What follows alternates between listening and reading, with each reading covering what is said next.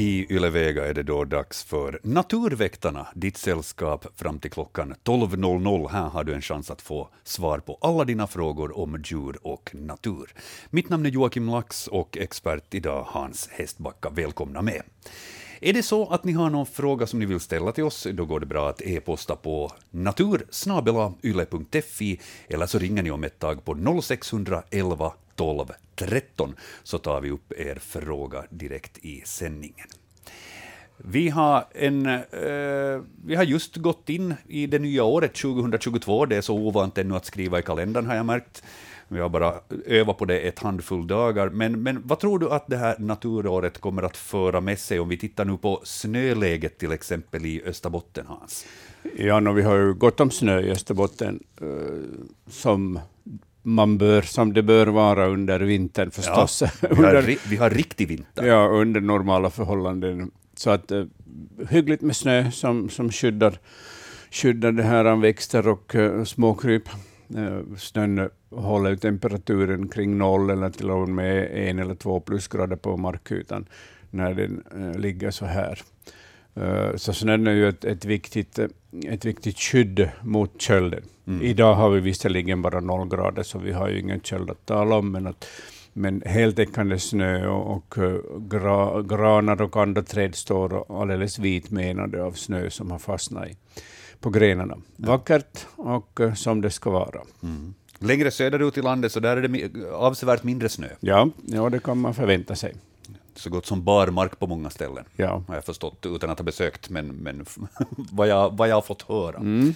Vi eh. får säkert något mera uppgifter av, av lyssnare som ringer upp oss, ja, hoppas jag. Månne inte. Mm. Så ska vi se också ifall vi får några riktiga köldknäppar här ännu under, under vintern. Det brukar ju nog kunna bli rejält kallt ännu så i februari. Februari brukar vara, ja, den kallaste men det som är otroligt skönt är ju att uh, nu har årstiden börjat ljusna.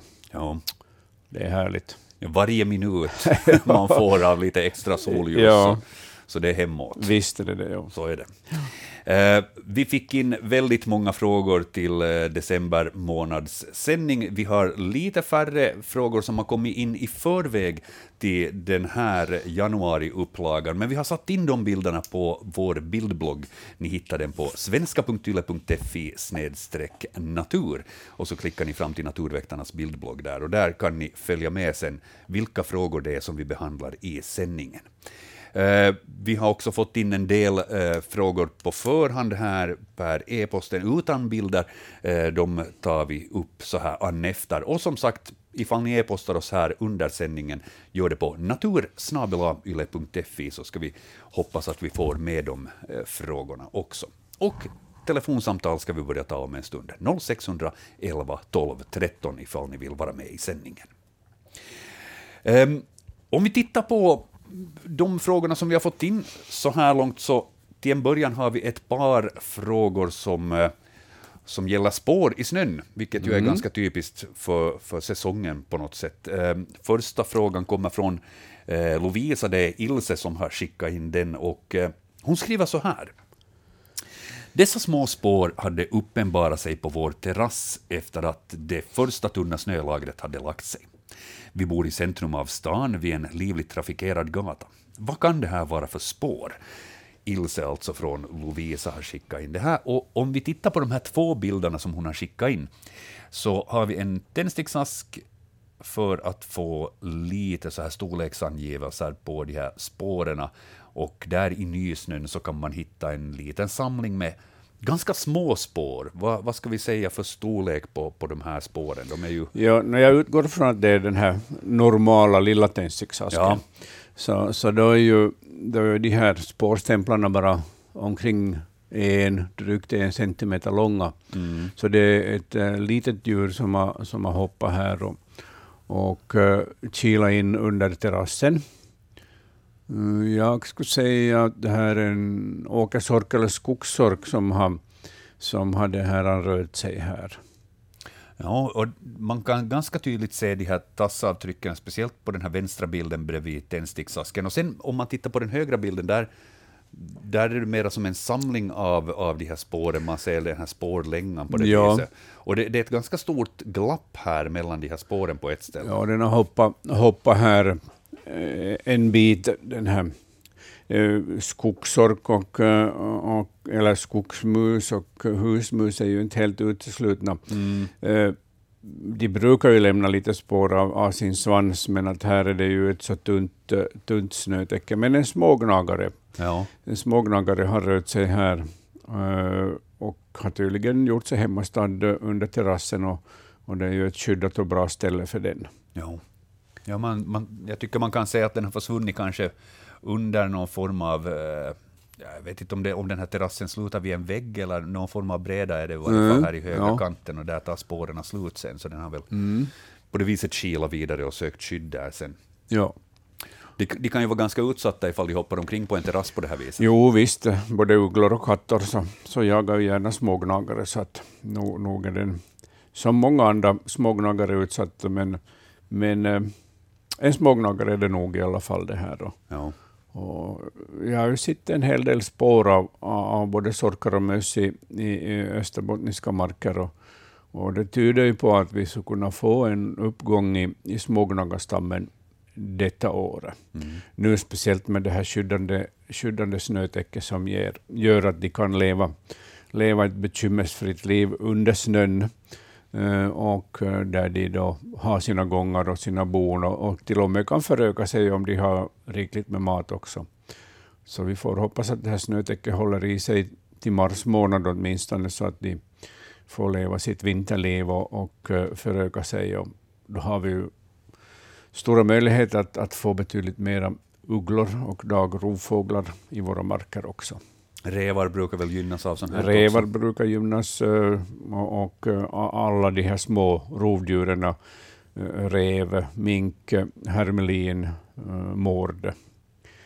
Om det finns mycket smågnagare så slår, slår alla sig på, på den här smågnagardieten. Och, och det betyder att till exempel skogshönsfåglarna så klarar sig bättre i sin häckning eftersom de här predatorerna inte jagar dem.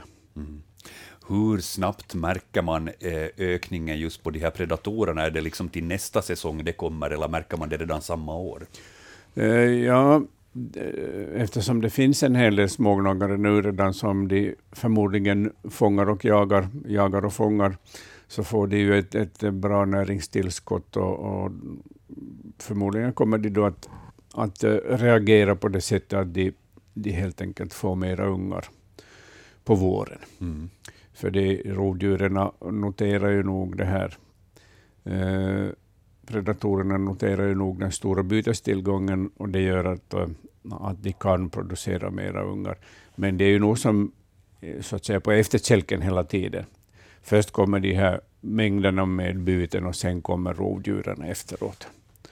Så att eh, sen när, när de här smågnagarna dör bort, de kan ju dö bort i stora mängder ett tu tre, så då får ju de här, de här predatorerna det besvärligt och då minskar de i antal igen. Mm. Och så böljar det fram och tillbaka på det här viset. Ja. Men, men i slutändan, som du var inne på, så, så är det alltså bra då för, för skogshönsfåglar och liknande? Jo, därför att eh, det finns flera undersökningar som har visat att när det finns mycket smågnagare så koncentrerar sig eh, nästan alla predatorer, både fyr, fyrbenta och, och bevingade, på de här smågnagarna, därför de, det finns mycket av dem och de är lättfångade. Och då får fågellivet vara i fred. Mm. Där ser man den enes död. Den enes död, den andras bröd, ja. Så är det. Mm. ja. Ja, okej. Men, men det här som Ilse hade skickat in då, vi, vi konstaterade en smågnagare, det är eventuellt Ja, sork. en sork skulle jag säga, ja, men, men helt säker kan jag inte vara det så tunt snötäcke det här. Men, Mm. mm, Mycket bra. ja. Vi har eh, vårt första samtal för året på tråden. Vi får säga god fortsättning på det nya året och välkommen till Naturväktarna. God fortsättning på det nya året hälsningar från Vasa. Tack, tack. tack, tack. Det är Eh, Anders här. hej Det är Anders. Anders här som, som ringer och det här, jag funderar när ni pratar om gnagare och, och det här rovdjur så eh, hur tänker ni, hur ser ni på det att eh, kommer vi att få ett år med, med mycket fästingar och andra småkryp eh, det här, nu, nu det här inför nästa och hur har fästingen nu förökat sig och tagit an nya, nya anhalter och, och, och valde sig att skydda sig redan för TBE, eh, nämligen när vaccinportalen säger ju att det är främst Åboland och Åland som det gäller men att jag har förstått att det har blivit lite större områden utsträckt nu det här. Jo. Den här, den här. Ja, den österbottniska kusten hör också till det här TB-området så att jag själv är jag vaccinerad sedan flera år mot det och, och, och tar regelbundet en, en förnyad vaccination. Det, det är ju nog en, en, stark rekommendation för alla som rör sig på det Jo, viset i skog och mark att vaccinera sig för det här. Ja. Eh, Det är klart, de här, eh, de här fästingarna har ju också nytta av det här snötäcket som skyddar dem. Och, och uh, speciellt nymferna, alltså de, de har tre utvecklingsstadier, nymf, och larv och, och vuxen fästing. Uh, eh, Så de lever ju då på smågnagarna, men, men de som sprider, sprider de här vuxna fästingarna uh, vida omkring, så det är ju framförallt rådjur och vitsvanshjort. Och, och de kan ju ha fullt av, av, av fästingar i sitt ansikte och på halsen eftersom de går och betar i den här gräs och örtvegetationen där fästingarna finns. Så det är nog de värsta, värsta källorna till, till mera fästingar, tyvärr.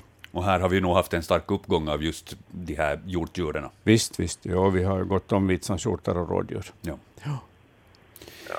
Men spridningen av eh, fästing, så hur ser, ser ni på det i dagens läge? Är det så att det är hela kustområdet i Finland som det, som det gäller, eh, från Lovisa upp till Uleåborg eller, eller det här? Mm, mer eller mindre, ja. Nog, nog kan man säga att, att uh, fästingarna finns i hela kustområdet, och så har det ju börjat sprida sig in i landet och, och in till städer, i trädgårdarna där rådjuren och vitsvanshjortarna har besökt ställena och sånt där. Så att, tyvärr sprider nog sig fästingarna. Ja, hur, hur, hur, hur, kan man, hur skulle vi kunna bli av med de här fästingarna? Ja, det är nog svårt. Alltså, eftersom det finns så mycket, mycket djur som de kan leva på så kommer det att finnas fästingar i, i fortsättningen också. Eh, Det finns uh, åtminstone en läkare som har rekommenderat att man skulle skjuta bort alla rådjur och, och, och minska kraftigt på vitsvanshjortstammen, så då skulle vi få mindre fästingar, och det tror jag på. Eh, Men det är ju så radikalt så antagligen går inte ett sådant förslag igenom. Inte. Eh, Vill, vill man hålla fästingarna nere på sin egen tomt och på sin egen sommarstugetomt så, så måste man ju hålla vegetationen eh, låg. Eller sen kan man, där man vistas, så kan man fånga dem med att breda ut vita lakan och sen plocka de här fästingarna från de här lakanen eftersom de gärna eh, tar tag i i det som kommer ner eller som de kommer i kontakt med. På det sättet kan man så där lokalt få ner fästingarna genom att själv fånga stora mängder. Ja, ja. No, men då får jag tacka för det här och önska er god fortsättning på det här nya året. Och hoppeligen så får vi ett, ett bra, bra år med mångfald här även i både insekterna och, och det här och smådjuren och, och så vidare bortåt. Det ska vi hoppas. Tack ska du ha för samtalet, Anders, och kör försiktigt där. Tack. Bra, Hej. tack, hej.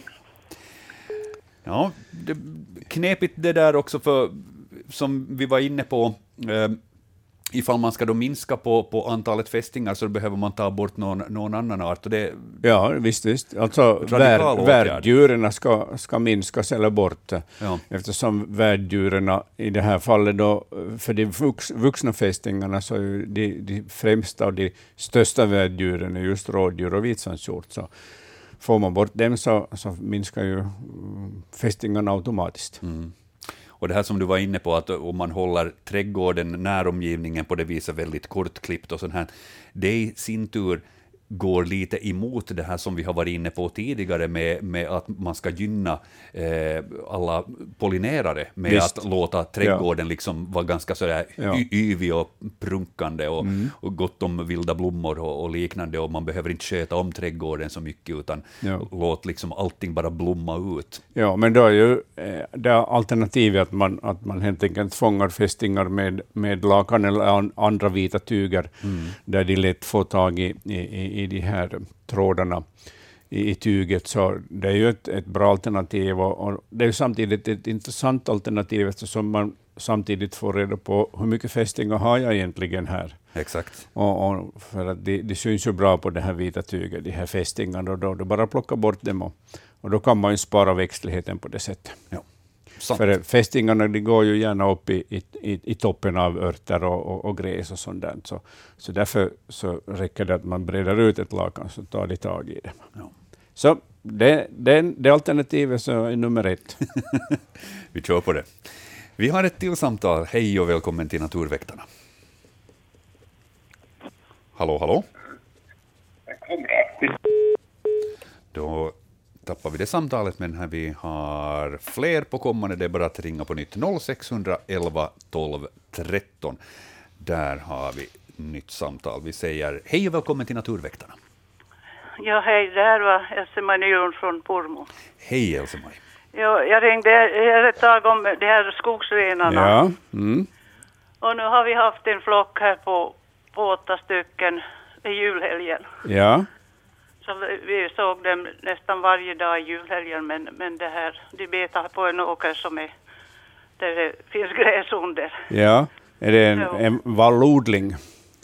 Jo, det är en vallodling. Ja. Jo, jo. Ja, de har, de har lärt sig, de här, de här skogsrenarna, att, att utnyttja de här vallodlingarna som, som uh, vallen ger ju en, en, en proteinrik och, och färsk föda och därför har de börjat också beta ute på de här vallodlingarna då. Ja, just det.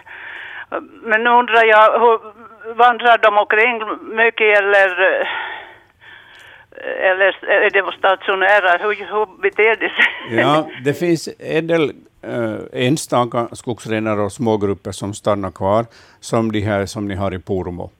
ja. Eh, Men sen då så finns det ju eh, ganska mycket skogsrenar som till vintern vandrar framförallt till, till Kauhava.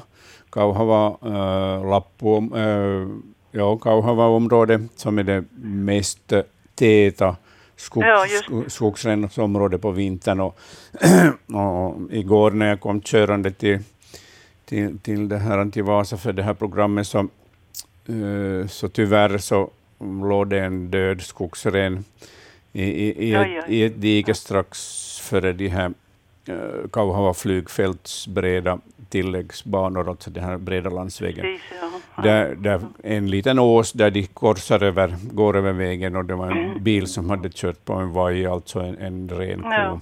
Mm. Och, och, eh, men det, alltså det, de har sina regelbundna vandringar eh, där de flesta deltar av de här renarna. Eh, sen kan det ju hända att, att de renar som finns här längre västerut, alltså Österbotten, just som i Pormo och, och, och Pedersöre, att, de har, Ja. att de har andra vanor, att de stannar kvar eller vandrar till Ja. något annat område. Jo, det, det var nog någon som sa att de också har sett dem i Lillby och det är ju 15 kilometer härifrån. Precis. Så, så kanske det finns flera flockar. Ja, det finns säkert flera flockar. eh, Det är de här eh, haremsflockarna med, som samlas på hösten med vajor och kalvar och sen en, en tjur då som tar hand om dem. Det är de som håller ihop ännu, ännu, ännu under vintern. Just det, ja. ja. Har du sett om, om det är några kalvar där bland de här? Nej, det är så långt borta. Ja. Jag tog nog ett foto men det blir så suddigt och, och Ja. långt borta så det var inte riktigt. Ja. Men nu såg det ut att vara... Ja, de som är kalvar, de är väl mindre i växten då? De är mindre till växten, de här kalvarna, och sen har de ju normalt inte något horn första hösten alls. Ja, ja. Men eh, mm, det, alltså, skogsrenen får ju bara en kalv per, eh, per gång per vår. Just, ja. Till skillnad från, från de andra uh, klövvilten, uh, älg och vitsvanshjort och rådjur som får två normalt i, i, under goda förhållanden. Så den har en låg låg förökningspotential, den här skogsrenen, och för, Ja. förökar sig långsamt, men, men eh, det är ju trevligt att ni har fått dem till Purmo också. Det, Ja. det visar ju att, att eh, det är ett bra område för de här Jo, skogsrenarna. det är vitsvida skogar här. Ja. att vara Mm. på. Jo. Ja, det som bekym- Men, men vi, har, Ja. vi har nog också rådjur och vitsvanshjortar så vi här i, i Säkerligen. höstas. och- Jo. jo. Ja, ja. Ni har nog alla fyra. Vi har nog allt. Ja, ja. Mm. Hörru, tack för den rapporten, det var ja, intressant tack. att höra. Tack så mycket. Tack, Hej. hej då. Hur är det med, med skogsrenar, eh, rådjur, vitsvanshjort, älg och sånt här? Hur bra kommer de överens på ett och samma område? Ja, de brukar inte vara i lag. Skogsrenen brukar vilja hålla sig för sig själv. Det finns ju en, en, en viss konkurrens där, konkurrens där nog. Och, och eh, framförallt så, så de här många älgarna och vitsvanshjortarna och rådjuren så gör ju det möjligt för, för eh, de stora rovdjuren att etablera sig eftersom det finns mycket byten. Och där hamnar ju också då eh, skogsrenen i kläm eftersom de här stora rovdjuren gärna jagar också skogsrenar. Och, och, och det är ju kalvarna som, som är de mest utsatta hos alla de här hjortdjuren. Och, och med tanke på att, att skogsrenen bara har en kalv, så förlorar den den kalven så, så har den inte kunnat föröka sig eh, eller föra släktet vidare den säsongen, medan då en älg eller vitsvanshjort som förlorar den ena kalven har den andra kvar. Så att det, det, det, de är inte bra för, för, för skogsrenarna, de, de här andra hjortdjuren, men att eh, de ryms ju Mm. nog. Och skogsrenen, förutom att skogsrenen eh, har lärt sig allt mer att beta på vallodlingar, så har det nog eh, andra, andra betesmarker normalt sett jämf jämfört med de här andra hjortdjuren. Eh, skogsrenen betar ju den naturliga födan under vintern, det är på de här lavrika moarna, tallbeväxta moarna, och där brukar inte eh, just några andra hjortdjur finnas. De ska ju ha mera, mera blåbärsris, lingonris och, eh, och späda, späda knoppar och kvistar av, av löv. Så att där finns inte någon större konkurrens om, om, om matningsplatserna, eller matplatserna och vistelseplatserna. Och inte heller under sommaren eftersom skogsrenen till stor del betar ute på, på myrar. Men det behöver vara odikade myrar, myrar i naturtillstånd där det finns de här naturliga, naturliga betesväxterna. Och man har ju lyckligtvis börjat, börjat det här, gräva igen diken på, på utdikade myrar som inte har blivit till någonting, det vill säga inte blivit till skog. Och, och istället så återställer man de här myrarna då. I, det blir ju inte i samma naturliga skick, men, men den här vattenbalansen återkommer och växten återkommer. Och, och det betyder att skogsrenen, skogsrenen då har lite större utrymmen att beta på. Så det här aktiva skyddet är nog på gång. Ja. Vågar du förutspå någonting? Hur, hur mycket kommer skogsrenen att sprida sig i landet så där, om vi tittar på, på några år framåt? Ja, spridningen går ju långsamt. Vi har ju, Ehm, vi har ju ungefär 2700-2800 skogsrenar i landet. En östlig del i, i Kajanaland och sen den här västliga då, eh, eh, som eh, når ut till den österbottniska kusten också. Och de består sammanlagt då av ungefär 2000 djur. Sakta man kommer det att gå framåt, men, men ett verkligt stort bekymmer som nu seglar upp, så det är ju nog de här vindkraftsparkerna som, som eh, breder ut sig allt mer. Och, och i, i, i det här i Lestijärvi, uh, eh, Halsua och Perho, där det finns, det är ett sånt där kärnområde för skogsrenen och där många vajor, renkor, kalvar under våren. Så där har man planerat Nordeuropas största vindkraftsparker. Och det kan, det kan bli förödande för de här skogsrenarna. Vanligtvis så talar man ju om, om fåglar som på det viset då kanske Ja. drabbas mer av Mm. vindkraftsparker, eh, men, men skogsrenen är också alltså på det viset i fara. Visst är den det, därför att den, det är ju det, det, det hjortdjur som, som eh, behöver de de, de här lugnaste områdena och minst, minst utnyttjade områden. Men vi vet ju att bygger man en, en vindkraftspark så det befintliga skogsbilvägnätet så byggs ju ut för att uh, man ska kunna sprida ut de här uh, enskilda vindkraften ut i terrängen. Mm. Uh, det är alltså otroligt mycket störningar som, som uh, en sån här vindkraftpark åstadkommer. Förutom då det här ständiga uh, ljudet från, från vindkraftverken när de går. Mm. Så det kan hända att, att vindkraften kommer att förstöra mycket centrala områden för skogsrenen. Tyvärr. Mm. Där borde ju nog, alltså skogsrenen är ju, är ju en unik art eller ras av renar. Uh, det finns i, i, i, i Ryssland på, i marker som gränsar till, till gränsen. Då. Så där finns eh, skogsrenar och det är därför de har återinvandrat till Finland. Den var ju utrotad, eh, skogsrenen, på grund av jakt i Finland, men sen kom det då från ryska sidan vandrade in skogsrenar och sen har vi fått då en bra stam här i Finland. Eh, mycket tack vare aktiva skyddsåtgärder. Och, och eh, i Ryssland så, så är tjuvjakten så omfattande så de, har minskat ganska mycket. Så det viktigaste området för skogsrenen idag är faktiskt Finland. Mm. Så vi har ju ett, ett stort ansvar för att bevara skogsrenen. Så det här eh, vindkraften som då brer ut sig som en landsplåga, så, så det finns ingenting som bromsar den. Det borde finnas något förnuft med i, i den här, och man ser att det här är ett område där man inte kan helt enkelt etablera vindkraftverk. Eh, så att jag hoppas att sånt kommer före man ser de stora skador som de kan åstadkomma. Mm. Vi får följa med läget där helt ja. enkelt och, och, och, se hur det påverkar skogsrenen. Vi, vi kom in lite på det, på det viset på ett sidospår här nu ja. från de spår som vi tittade på i början av sändningen. Vi ska tillbaka till ja. spåravtryck som vi har hittat mm. i snön, så ska vi ta mer samtal sen i Naturväktarna om ett litet tag. Um, vi tittar igen på bildbloggen uh, och uh, hittar följande fågelspår som Rita har skickat in från Baresund. Hon skriver för så här.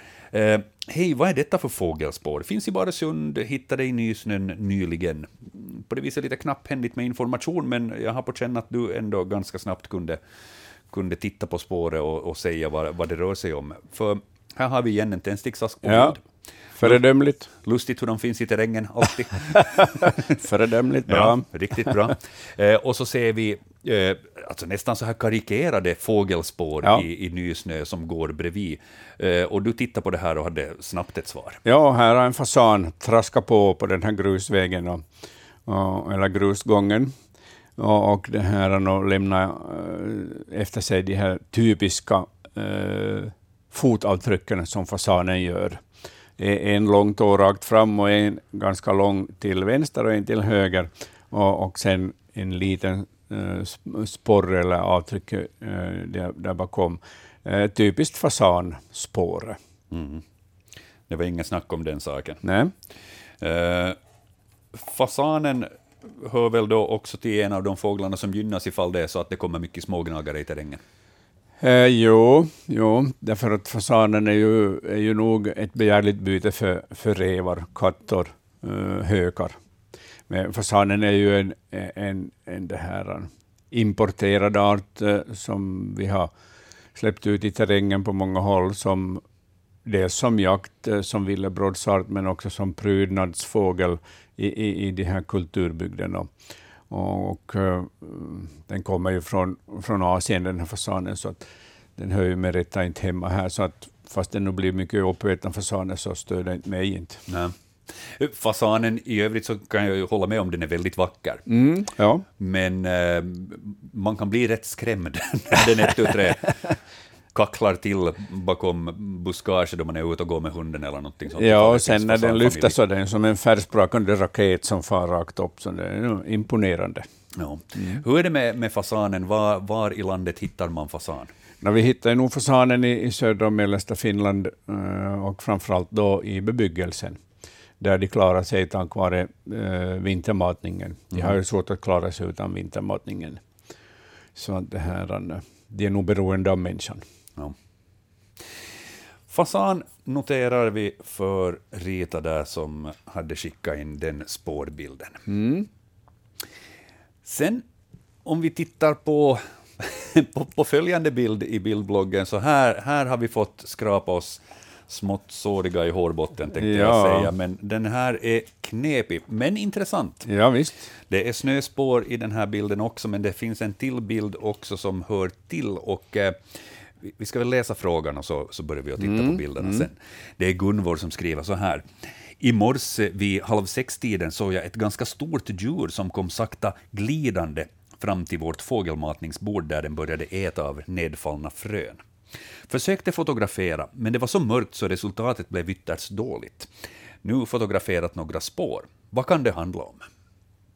Och ja, vi har alltså två bilder som hör till den här frågan i bildbloggen.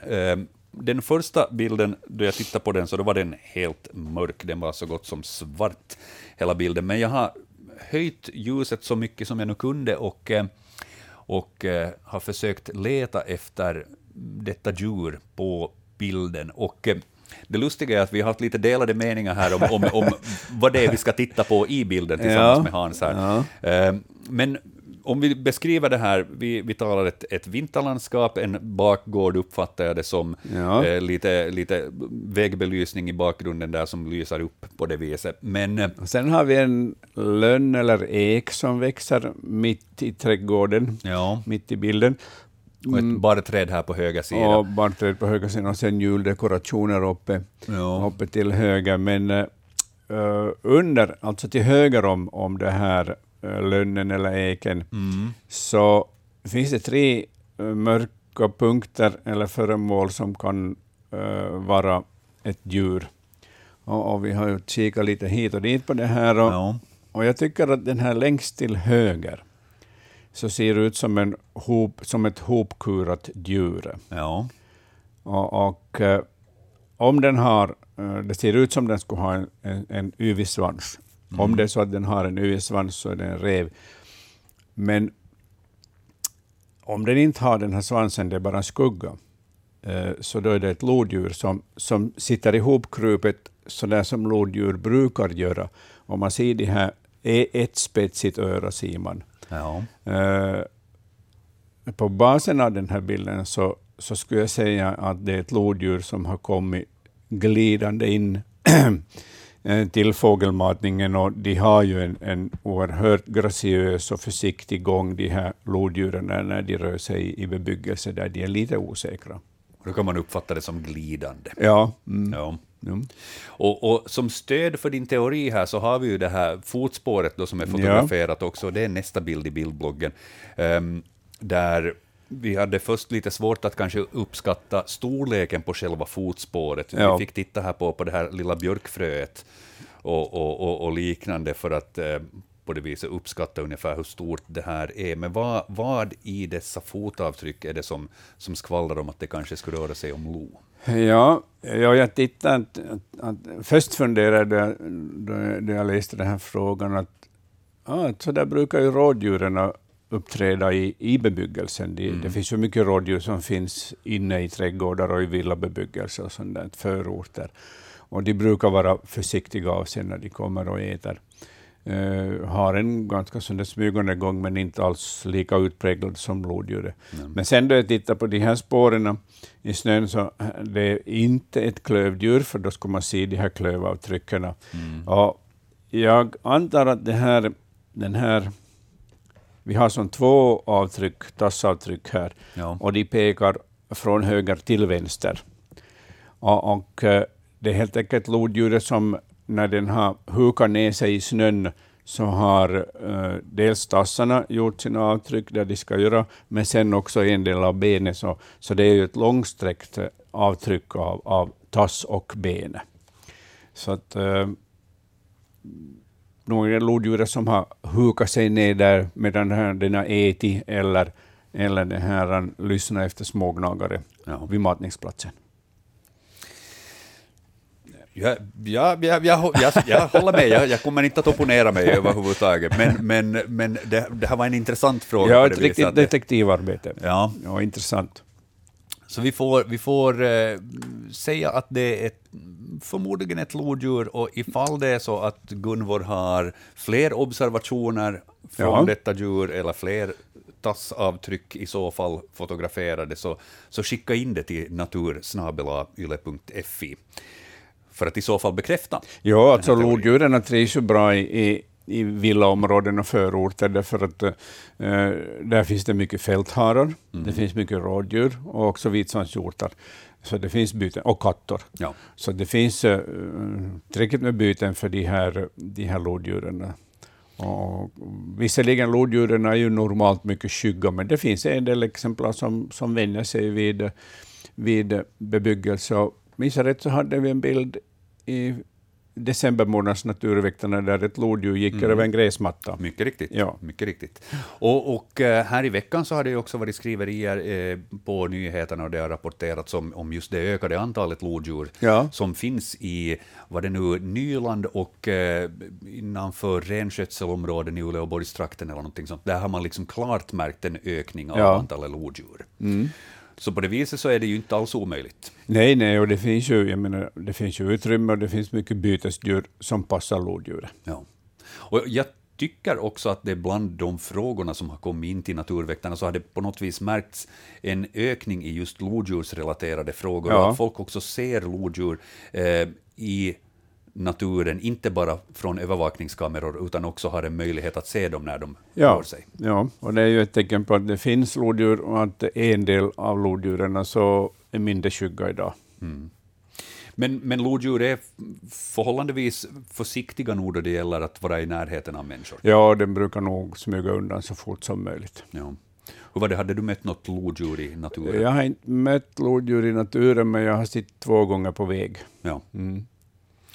Ja, jag, har, jag har inte sett en enda gång sådär i, i, vilt tillstånd, annat än just från övervakningskameror och Ja. liknande.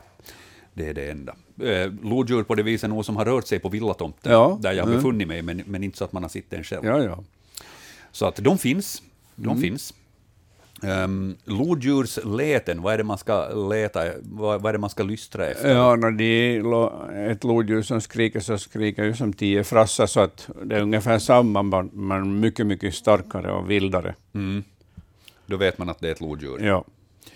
Eh, hur, vad skulle du säga är lodjur ett djur man ska passa sig för? Ska man vara orolig ifall man går ut till exempel på, på sommarstugstomten i mörkret? Nej, Eller är det så att den, den kommer nog att flytta på sig? den flyttar nog på sig, ja. Så är det. De enda som behöver vara oroliga för, är, är, för lodjuret så är eventuella tamkatter och liknande. Ja. Ja. Mycket bra. Ehm, telefonen blinkar. Vi ska se. Ja, jag hann inte med där. Eller väntas nu. Det gjorde jag visst. Vi får säga välkommen till Naturväktarna. Hallå, hallå? Ja. Då tar vi nästa tråd istället, för där blinkar det också. Hej och välkommen till Naturväktarna. Jo, Leif Lundqvist här från Sjunde och hej. Hej Leif. Det Va- där, eh, jag har en lite avvikande fråga från de här som ni brukar oftast behandla, nämligen det berör lite, ska vi säga, meteorologi. Ja. Eh, nämligen, jag råkade ut för ett konstigt, eh, för en konstig sak här i somras, det var i augusti när jag körde från, från Lovisa mot Lahtis. Och det där, jag såg en regnbåge som var totalt vågrätt. Oho. Oho, ja. Det säger jag ja. ja. Det- det- det- äh, äh, har ni samma uppfattning som jag har på orsaken varför det kan vara på det här viset? Nämligen, det, vi, var, ja, vi var i en svacka Ja. och där var dimma nere i botten på svackan Ja. och den här regnbågen var precis ovanför den här dimman. Ja, alltså vattendroppar som reflekterar ljuset. Ja. Mm. Men, men, men, men det där att, att, att se en, faktiskt en totalt vågrätt regnbåge, så jag tyckte det, var- det var ovanligt. Det är mycket ovanligt. Jag, Tyvärr- jag har inte sett något sånt. Nej. Ja, tyvärr hann jag inte få fram kameran för den var i husvagnen bakom. Ja, ja. Det var inte läge att stanna och leda efter den. Nej. Han, han, nej, nej, då, det, det, det var sent sen mera när den det var den där två, två, tre sekunderna som det var som man såg den och Ja. sen var det försvunnen. Att, att, att jag, blev, jag blev faktiskt förvånad och, och, och fru, fru, frun blev också när hon satt här bredvid och tittade på den så sa hon, har du ser du vad jag ser? jo, jag ser. Ja. Men vilken fin observation. Det, det, det var alltså otroligt. Ja, ja. Men jag, jag skulle säga att så här, till, till exempel idag, när vi kom från, nu när vi kom från Nådendal, Mm. vi har lite solen på kommande, vi har fuktig luft, så jag tror att vi har möjligheter att man kan se, se det där, vad heter det, vågräta regnbågar idag också. Det är nog bara att spana efter dem då i så fall och hoppas på att det är på det viset gynnsamma väderförhållanden med just eh, vattendroppar i luften och allt vad som behövs för att ljuset ska brytas då på det viset så att det, Ja, ja, det jag, blir. jag, jag tror det också. Men, men alltså det är så, så bisarrt att man tror inte att det är sant. ja. Vad vad synd att inte du råkar ha kameran i, i, i närheten. Det är, det är nästan så att man måste ha den nära till hands hela tiden då tydligen för att Det, det, det, det tycks vara så. Ja, men- men tyvärr så, en sån där stor, stor, stor, vad heter det, systemkamera, så den är lite koljat att ha med sig inne i bilen. no, ja det är men sant. ryms nog där. Det, jo, det ryms. På något vis i mittkonsolen och, och skippa den där kaffemuggen där istället och får man ner Det, objektivet. det finns inga kaffe, det, det finns bara vattenflaskor, Ja, ja. ja, men då, då kan man lyfta ner dem. Jo, Ja, spännande. okej. Det, det, som, det som jag bara undrar är att vanligtvis så brukar man ju säga att det finns en skatt i änden av regnbågen, men hur är det ifall den är fullständigt vågrät? Var ska man liksom leta efter den här skatten då? uppe i träkronan. Tydligen, tydligen. Ja, Men hej, men det brukar ju finnas katter i träkronorna. ja visst. Det är sant. Fågelbon. Så är det. Mång, många, många möjliga skatter som man kan hitta i träden. Precis. Hör du, eh, Okej. tack för det intressanta samtalet. Vi, vi får hoppas att det är kanske någon annan som har också sett det här fenomenet och hör av sig, så får vi det på det viset bekräftat. Jo, vi, vi hoppas så. Om jag råkar se det en gång till när jag rör mig på finska vägarna eller någon annanstans på vägarna så ska jag nog komma och åter med det. Utan Ja. vidare, du får återkomma. Ha det Okej. gott, hördu. Tack för samtalet. Det är, så, det är Ja. samma, hej. Tack, hej. Vågräta regnbågar. Ja, har jag ingen erfarenhet av, men intressant att ha fått in en rapport om det också. Ja, visst. Ah, här blinkar det ännu. Vi ska ta ett till samtal. Vi säger hej och välkommen till Naturväktarna. Ja, hej, hej, det här var Gunvor. Hej Gunvor.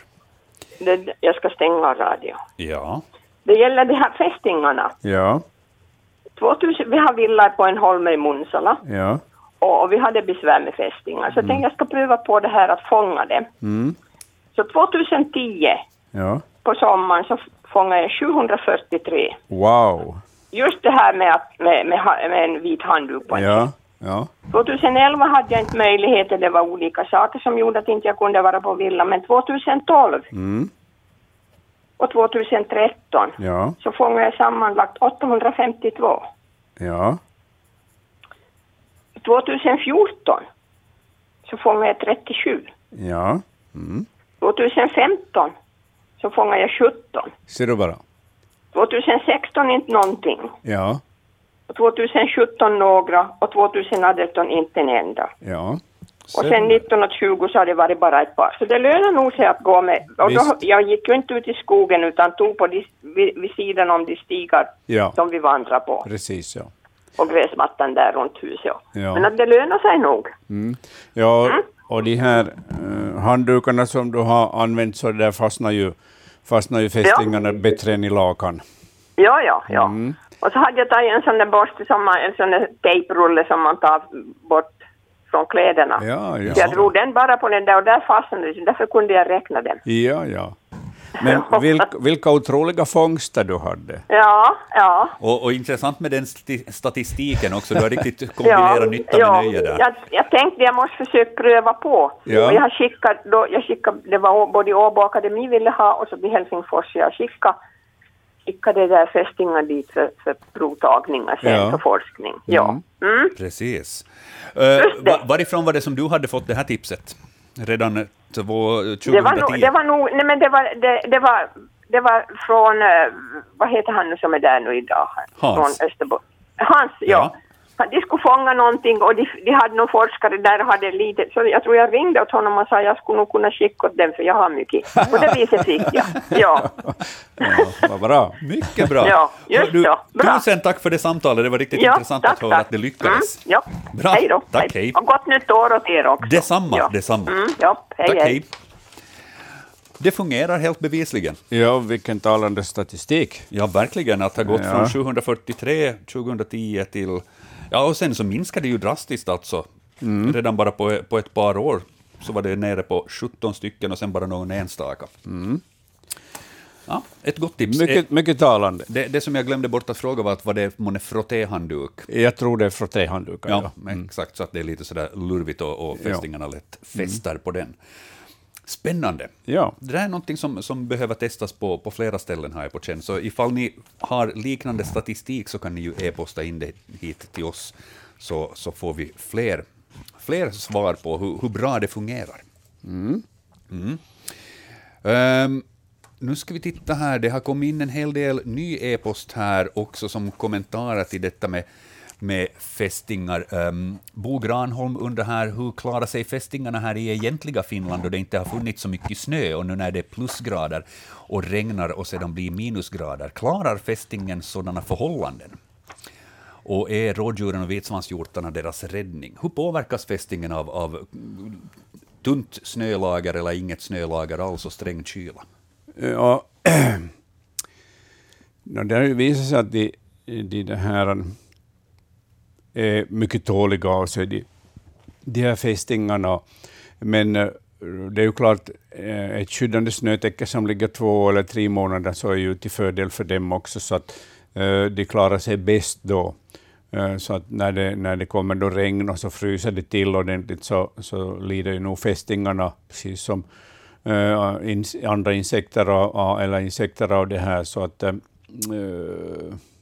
jag skulle säga att det är till deras nackdel nog att, att det är ibland barmarker, ibland fryser det och sen kommer det snö på. Men att, det kan vi vara säkra på att, att, att tillräckligt många Många det här fästingar överlever nog den här vintern som de brukar göra och så Ja. kommer det igång igen nästa år, eller i- på våren. Precis. Ehm, så ska vi titta här. eh, det har kommit en kommentar till skogsrenarna också som vi har diskuterat här i början av sändningen. Ja. Eh, Hilding skriver, när det gäller vitryggad hackspett eller flygekorre har vi ganska bra skyddslag. Varför inte samma för skogsren? Ja, säg inte annat. Här borde ju förstås eh, de naturvårdande och naturskyddande myndigheterna eh, rycka in och ge sina utlåtanden när det gäller olika exploateringsplaner av naturen. Att det här är ett område som är så värdefullt för skogsrenen, så här kan man till exempel inte bygga en vindkraftspark. Eh, Jag vet ju inte om det i kulisserna har förts sådana här diskussioner och, och sånt där, men med tanke på de stora planer som har framkommit så, så verkar det nog som de skulle rulla på. Eh, Så att eh, så- skogsrensskyddet borde ju vara mycket aktivt från myndigheternas sida. De som, de som har hand om, om vården och skyddet av skogsrenen och inte bara forskningen. Eh, det är ju alltså det, det är ju lättare förstås att, att skydda flygekorrens äh, botallar och etantallar eller eh, aspar. Eh, de bor ju mest i asp och äter mycket aspe, och, skyddar deras eh, skog, asp och björk, sån här blandskog, asp, björk och gran, därför att man hittar de här lämningarna, avföringen under träden, och sen är de lokala. Och likadant är det med vitryggig hackspett också, att, att den har sitt revir, där den håller till och där den hugger ut sitt bohåll, och det området kan man då skydda. När det gäller skogsrenen som gör de här ganska omfattande vandringarna eh, på senhösten i början av vintern till vinterområdena och sen kommer de tillbaka till sitt område så sprider de ut sig i ett stort område. Eh, de, speciellt vajorna så är ju, är ju solitära, alltså de lever ensamma när de kalvar. Så de, det ska inte finnas andra, andra här, eh, skogsrenar där i hennes omedelbara närhet, för de kan dra till sig uppmärksamheten från rovdjur, mm. som då gärna jagar de här kalvarna. Så de här områdena som skogsrenen använder, som en skogsren använder, så det område hon använder, eller han, under, sitt, under ett år, så är ju ganska omfattande. Och då måste man ju tänka att jaha, hur ska vi kunna skydda det här? Eh, eh, det, det är knepigare att, att skydda ett, ett långvandrande djur, säsongvandrande djur som skogsrenen, men, men visst finns det kärnområden, eh, kärnområden i, i Finland som, där man ser att här finns det mycket skogsrenar. Det finns ju många skogsrenar som, är, som har radiosändare på sig mm. varje år. Och man har ju följt deras vandringar så man vet precis hur de vandrar och hur de kan byta då till ett nytt vinterområde. Så att visst känner man till deras behov av marker. Och, och så att eh, nog finns det sådana viktiga ställen som man borde freda från, från den här industriella exploateringen som vindkraften är. Mm. Det är alldeles klart. Vi får helt enkelt följa med som sagt det, det läget, men det var en, det var en bra fråga som Hilda ja, ställde. Visst. Ja. Mm. Vi tittar vidare i Naturväktarna. Vi har drygt eh, fem minuter, ja, sex minuter drygt tills eh, det blir nyheter på den här kanalen, så vi hinner behandla här ännu en fråga från bildbloggen, tänkte jag. Mm, vi ska titta på bild nummer fem som vi har där. Eh, det är Inger som har skickat in det här och skriver så här. Vi var i höst och rensade bort sly runt eh, granplantor. Och på flera ställen fanns små bon som vi undrar vem som har bott där. Är det fåglar eller möss? De var cirka 70 centimeter från marken och gjorda av gräs, cirka 7-8 centimeter i diameter, de här, de här bona. Um, ehm, och uh, om vi tittar på, på de här bilderna som hon har skickat in här, så det är ganska tätt sammanflätade både gräs, strån och kvistar tycker jag mig se här också, som man har på det viset tagit i bruk och, och byggt alltså på, på ganska tunna, tunna växter, så har man byggt de här bona. Rör det sig om fågel eller är det någonting annat det här Hans? Mm, nog är det en mus som har byggt mm. de här bona. Buskmusen, som, som gör sådana här Uh, ganska snygga bon. Det här är ju gamla bon som, som vind och väder har, har, har redan rumsterat om med, men att de, de lagar sådana bollar av, av färskt gräs, och när de är färska så är de gröna, ljusgröna, de här, eller ska vi säga torrgröna, de här bona. Mm. Och, och uh, det kan finnas många, många sådana bon inom ett uh, mindre område med sån här uh, hög örtvegetation, mycket gräs, granplantor och sånt där, där den trivs. Det att det finns många bon på samma ställe, är det ändå samma vad ska vi säga, buskmusfamilj som använder sig av de här samma bona, eller är det stora här populationer finns, Här samma? finns säkert en, en familjeklan, alltså många buskmöss inom ett och samma område som, som utnyttjar det här området. Och är, det så att de använder det här boet liksom för vad ska vi säga, en säsong och sen ja, bygger de för en säsong, ja sen, sen bygger de nytt. Och, och, och buskmusen som finns ju, finns ju i, i södra och mellersta Finland och, och eh, längs med västkusten så går den upp ända till, till Tornell, den här utbredningen. 7 till 8 centimeter i diameter, så särskilt stort bo är det inte. Hur många ryms i ett sånt här bo? ja, eh, de kan ju få mm, upp till sex ungar. Ja. Och, och, eh, så, så visst eh, kan det bli trångt sen när ungarna växer till sig, men att buskmusen är ju vår, vår minsta gnagare. Alltså den är otroligt liten. Den, den, uh, längden, kroppslängden är bara mellan 5 och 7,5 centimeter. Så den, är ju, den ryms ju i en tändsticksask alldeles behändigt. Ja. Uh, lång svans har den som den har, med vars hjälp den håller sig fast i växtligheten när den klättrar. Eh, men bra ryms den i sitt bo. Det finns ju ingen orsak för den att bygga för litet. Nej, nej, nej. nej.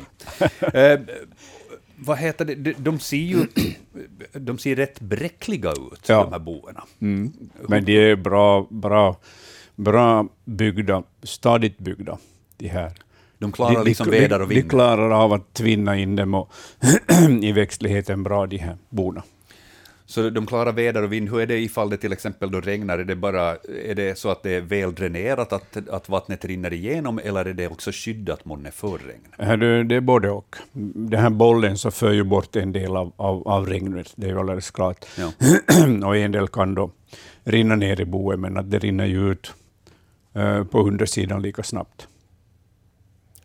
Fascinerande på något vis. Jag, de här har inte kommit emot, det har varit ute i skogen överhuvudtaget. Nej, den är så liten och, och eh, mm, man brukar ju inte vanligtvis röra sig i det här området, sådana här snåriga högörtsplatser där det finns buskmöss. Nej. Och sen vet jag inte heller om man skulle liksom titta efter dem heller på det viset. Nej. Jag menar, de försvinner ganska lätt, de är, de är så väl kamouflerade på det Ja, viset. du vet fem centimeter. En, en, li- en liten boll, så det, det, det, det är inte kanske det första man letar efter då man låter blicken svepa omkring.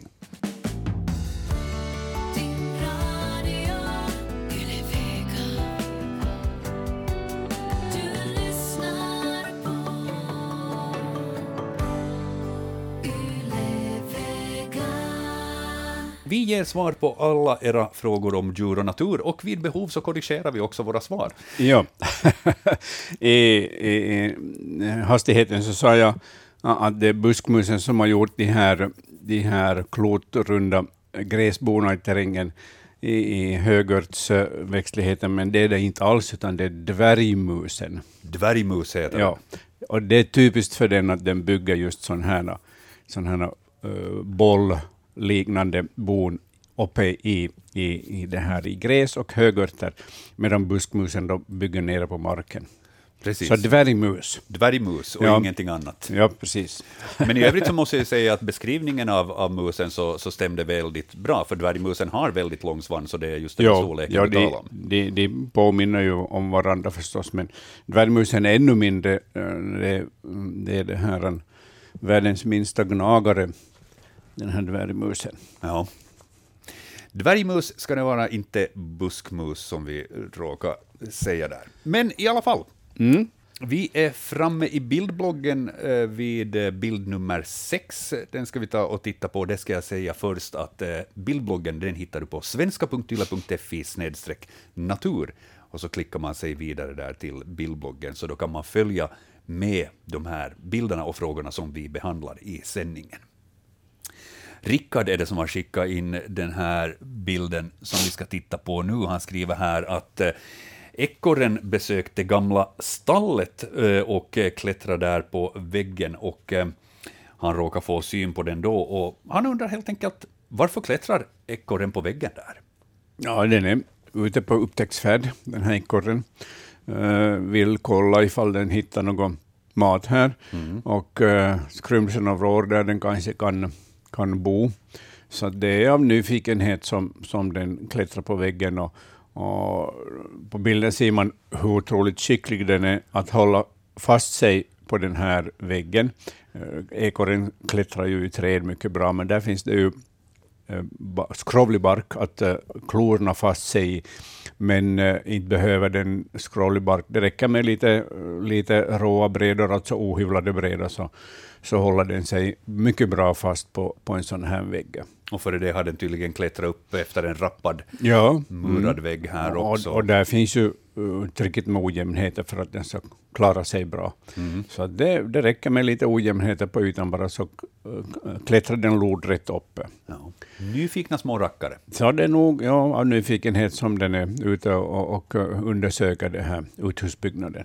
Hur är det med ekorren? Var, var väljer den att ha sitt bo helst? Uh, ja, den kan ju bygga ett eget klotformigt bo i en tät gran, ganska högt upp i granen, av, av kvistar och sen uh, mossor och sen täta den med skägglav.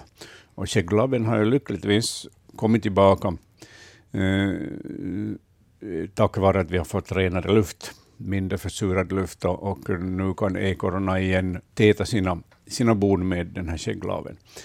Eh, Det är ett sätt. Ett annat sätt är att, eh, att använda eh, gamla spillkråkhål, där den ryms bra och där den bygger sig ett varmt bo. Där lever den också. Sen utnyttjar den förstås också knipholkar och skrakholkar där den kan laga sitt bo till förfång för kniporna och skrakarna. Till och med starholk duger också i trädgården. Det finns ekorrar som, som Alltså det finns ju mycket ekorrar som håller sig vid bebyggelsen tack vare vinterfågelmatningen idag.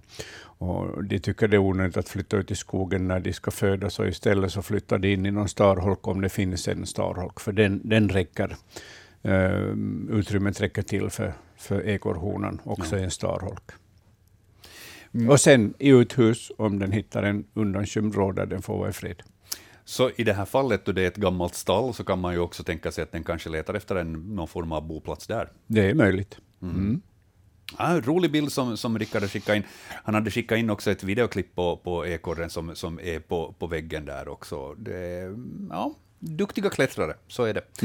Eh, eh, Hur är det eh, om ekorren till exempel då klättrar omkring på en husvägg? Eh, Finns det någon risk för att den där börjar liksom att gnaga sig in och leta sig in under mellantaket till exempel, där det är väl isolerat och liknande, för att där bygga ett bo? Ja, och det är, alltså, nog finns det ju ekorrar som bygger bo på vinden och i mellantaket. Ja. Det finns det. Så då får man lite passa sig för sånt. Och helt enkelt då bara Mm. Men i ett sånt här uthus så spelar det ju ingen roll. Nej. Men i ett bostadshus så där blir det mycket med många ungar, livliga ungar, så nog blir det en hel del eh, liv och rörelse och sen förstås avföring och urin som smutsar ner. Ja, så där får man försöka bara bygga tillräckligt tätt så att inte den hittar Ja. Mm. något ställe där den vill krypa in och, och helt enkelt på det viset försöka hålla den borta. Ja, men roligt fotografi, tack för det Rickard. Ja, vi har fått in en eh, del frågor här också under sändningen på e-posten, så här är en bild som inte jag har hunnit sätta in på bildbloggen ännu, men jag kan åtgärda det efter sändningen. Eh, så pass intressant fråga, så jag tänkte vi ska ta upp den. Eh, det är Alina, sex år, och hennes mamma som har skickat in den här bilden. Ehm, den 19 december såg vi en groda eller padda som frusit sig fast i isen vid ett litet träsk i Esbo. Grodan var fastfrusen i cirka 15 centimeter tjock is. Nu undrar vi om den klarar sig. Och så har de skickat in en bild också. Och eh, jag har också svårt att se att är det här en groda eller en padda. Isen är så pass tjock där också över så att det är svårt att se klara tecken på vad det är. Men oavsett, den är fullständigt infrusen i is. Kommer den att klara sig? Mm, det kan nog hända att den dör, ja. Alltså grodor och paddor så, så kan ju övervintra och övervintrar eh, på bottnen av, av sjöar och eh, åar och bäckar. Mm. Men de söker sig till bottnen förstås för att de inte ska frysa in i isen. Eh, Ja, jag skulle nog nästan tro att den dör av det här. Mm. Ja.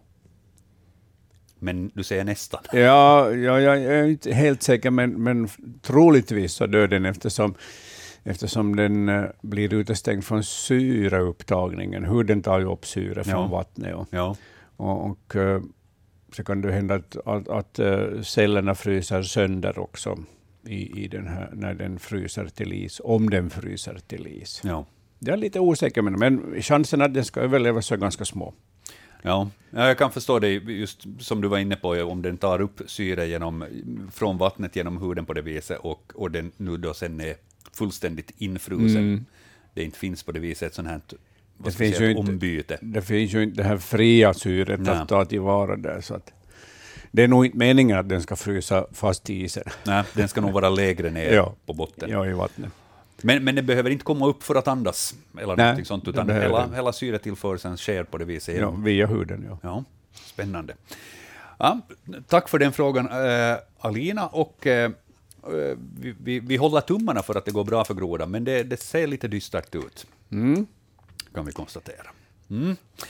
Hjälps inte, så är det ibland. Eh, vi har ett eh, samtal på tråden. Vi säger eh, god förmiddag. Välkommen till Naturväktarna. Ja, det är Henrik från Borgå. Hej Henrik. Det gäller, en- jag bor vid en vassvik vid en bäckmynning. Ja, Här väcker jättestora vassor utanför det. Och lite längre ut finns en holme och där var en, i många år var det en jättestor vassa. ja. Nu är den borta nu på ett år. Aj, Den har försvunnit hela bassan som var kanske 4-5 tusen kvadratmeter. Ser du bara. På ett år har den försvunnit. Ja. Är det, Vad kan det vara? är det is, hurdana var isförhållanden för i fjol? Ja, ja, jag kan inte säga på saken på det sättet men men, men borta är den nu. och det är jättestor, den var i många år här, jag har fiskat utanför, det var ett bra ställe till fiska men, Ja. men det där, Och det nu är är, den försvunnen. ja, och det är inte någon människa som har, eh, som har det här varit Ja, där knapp, och- och knappast så det finns ju någon som är beroende av det sättet utan det, det, ja, jag vet ingenting bara att den är borta. Ja, just ja. Mm. ja det, man undrar om det, ja, längre in nära land så finns det enorma stock, stora vass- vassar som, ja, ja. som är frodiga och stora. ja, de brukar ju nog vara otroligt motståndskraftiga mot allt möjligt, de här vassarna. Eh, Ja.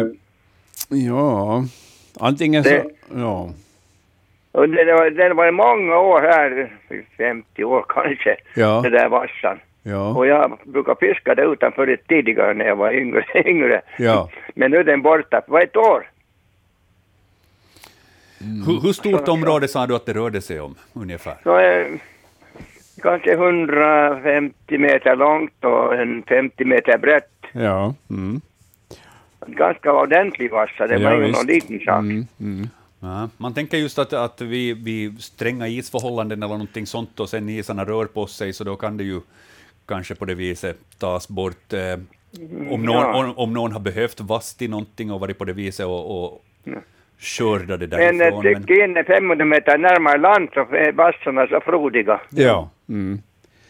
Ja, då man, då man inte varit på plats och sitter där så, så det är svårt att säga, men antingen har någon eh, slottat ner dem helt enkelt eh, för att slippa den där vassen, eller sen har eh, isen Nej, nej, det finns ingen som har beroende på det. Ja, eller sen har... Det är en, en, jag känner en, en som äger den här holmen en del och han vet ingenting om det heller. Ser du bara? Mm. Nå, Så att där bor ingen heller på den Ja. holmen, den är o- obyggd. i, isar och stormar, jag kan inte komma på något annat än att isar och stormar. Ja, det är, sä- säkert är det svårt att gissa. Ja, ja. Men man, man undrar bara, Visst, att, visst. Ska, det, ska det försvinna sånt där? Va- Varför kan det försvinna? Ja, ja, alltså vassen brukar ju, när den har etablerat sig så brukar den vara, finnas på plats. Ja, det var så jättestor i många år. Mm, ja. Men då får du följa med helt enkelt här sen då isarna släpper och, och, och följa med Jo, här under våren ja, ja, jag är bara nyfiken. Ja. Dra fram den här historien, för det kommer det mycket som man hör på här i det här Ja, ja. ja. programmet. Och Det, det är rätt ställe att ställa frågan, men det är inte alltid så att vi har svar.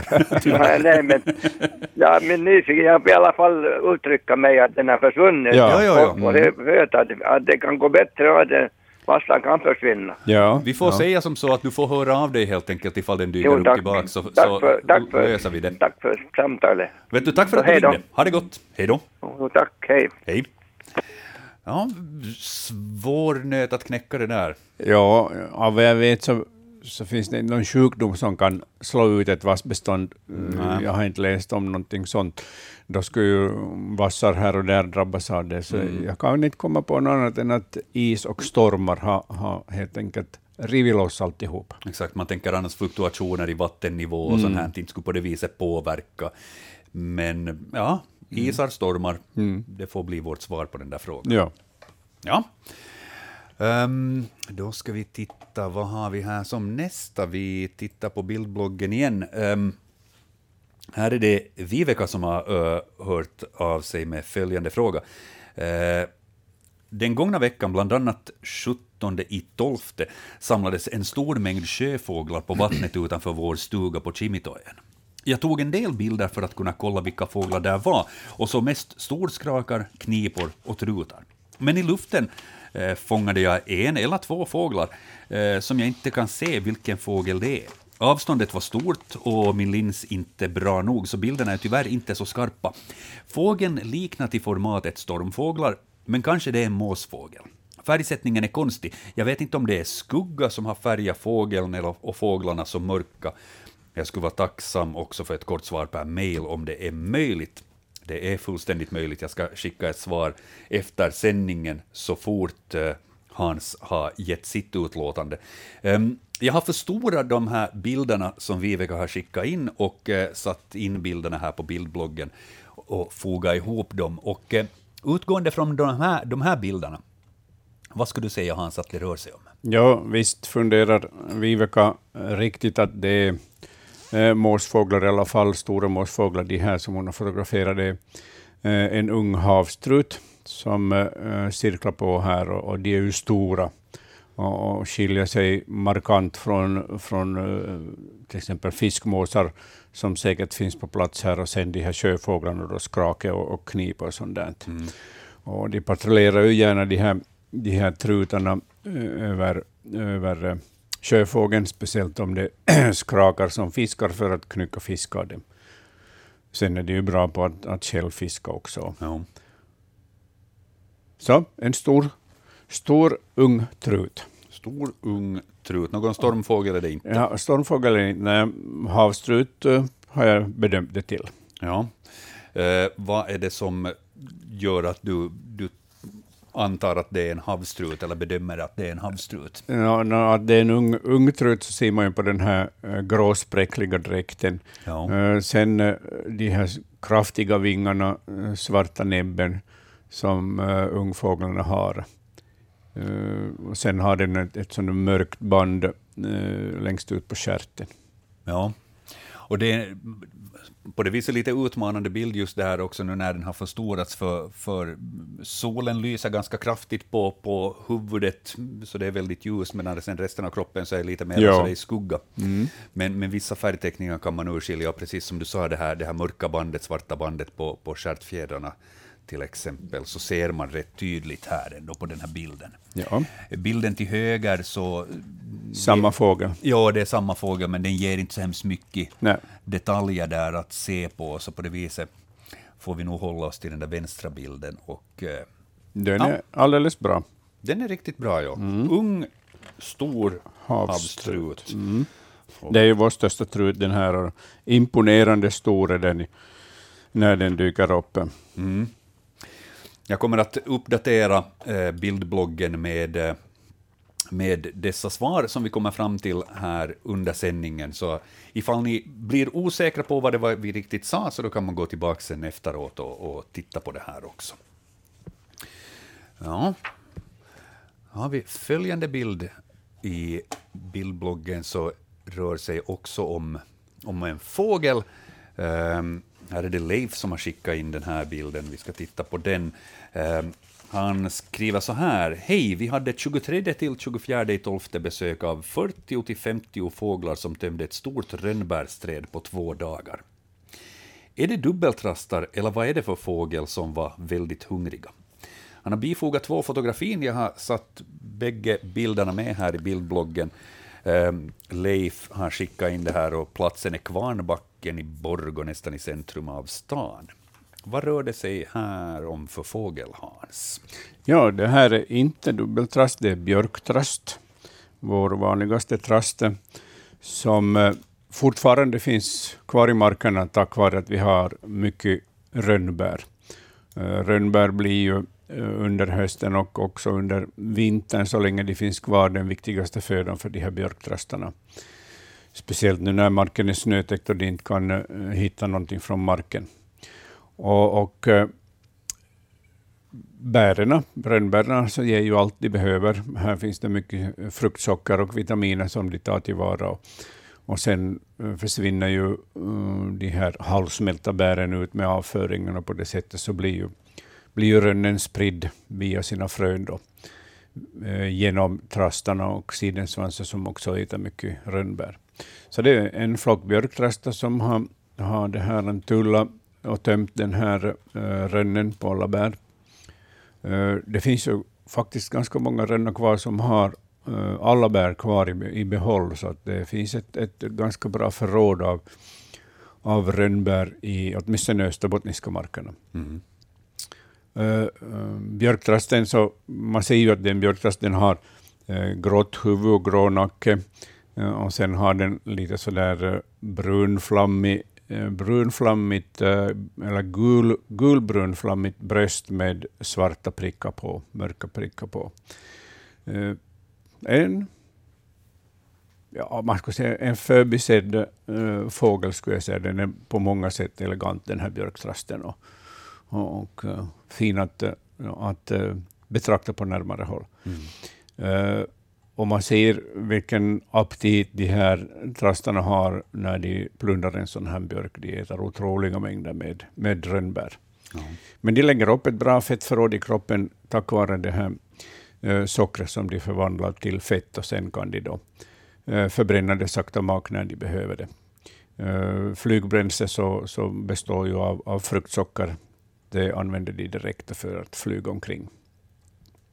Den hette i äldre tider faktiskt snöskata, Ja. den här björktrasten. Och det är ju en ganska god beskrivning på att den faktiskt kan, kan vara hos oss också under vintern. Den, den, den håller sig här, speciellt ifall den har så här bra tillgång till, till kolhydrater, så, Ja. så visst. Väldigt vacker att se på, och vi ska lyssna på hur den låter också.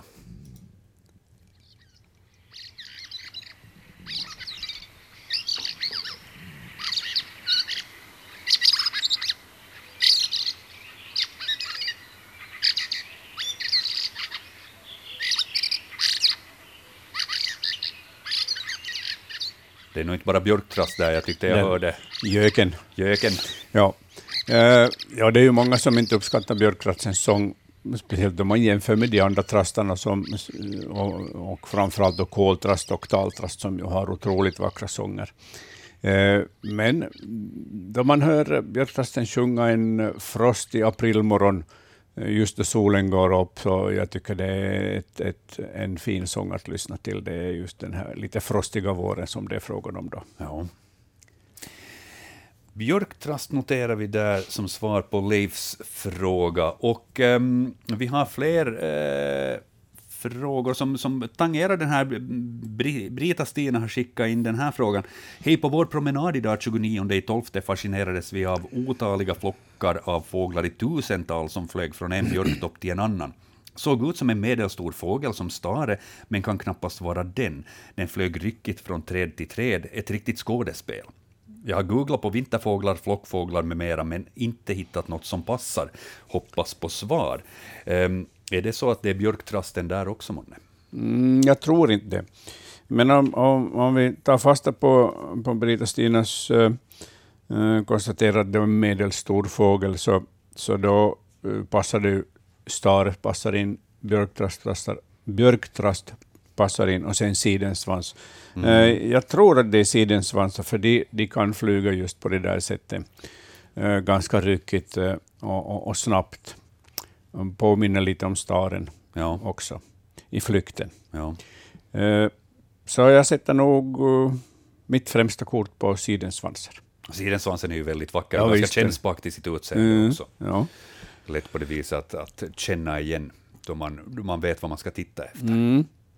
Eh, ja,